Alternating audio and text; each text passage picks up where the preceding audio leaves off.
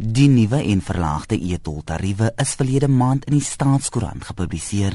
Die tariewe vir nie geregistreerde en geregistreerde motoriste tree môre in werking.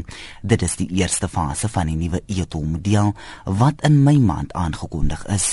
Die woordvoerder vir Sanral, Wusimona, sê die tariewe is meer bekostigbaar vir motoriste. This is a response by government after having listened to the concerns of lower and middle income groups about the impact of transport costs on their budgets. Mona sê motoriste hoef nie 'n etelskyfie te koop om baat te vind by die nuwe tariewe nie. Hy sê nie geregistreerde en geregistreerde motoriste sal dieselfde tariewe betaal. In the new dispensation, we've introduced a single tariff. Whether you have an e-tag or not, whether you are registered or not, you will pay the same tariff. As an example, we used to have a 58 cents per kilometer tariff for light motor vehicles. We've now reduced that to 30 cents per kilometer. Maar daar is nuwe voordele vir motoriste wat 'n etelskyfie besit. Those who have it can keep it because it will have advantages of what we call interoperability.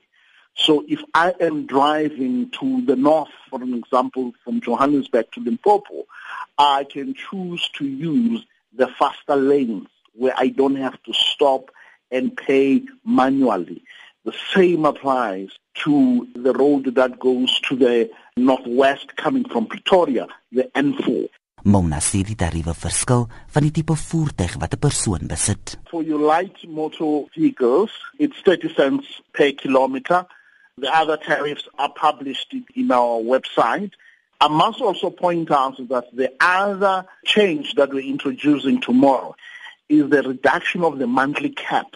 In the past, users of light motor vehicles who are registered with Sunram were not paying more than 450 rand.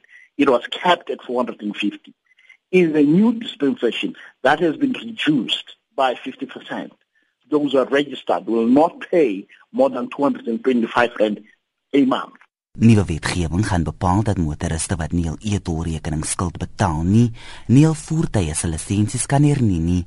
Mona sê die wetgewing gaan heel moontlik eers volgende jaar geïmplementeer word. We have said that uh, that process is going to take 6 to 18 months. It has yet to be gazetted as it requires legislative changes and would definitely require extensive system changes. Volgens Maunas alle administratiewe en tegniese stelsels in plek om die nuwe model môre te implementeer. Ek is Jean Estreisen in Johannesburg.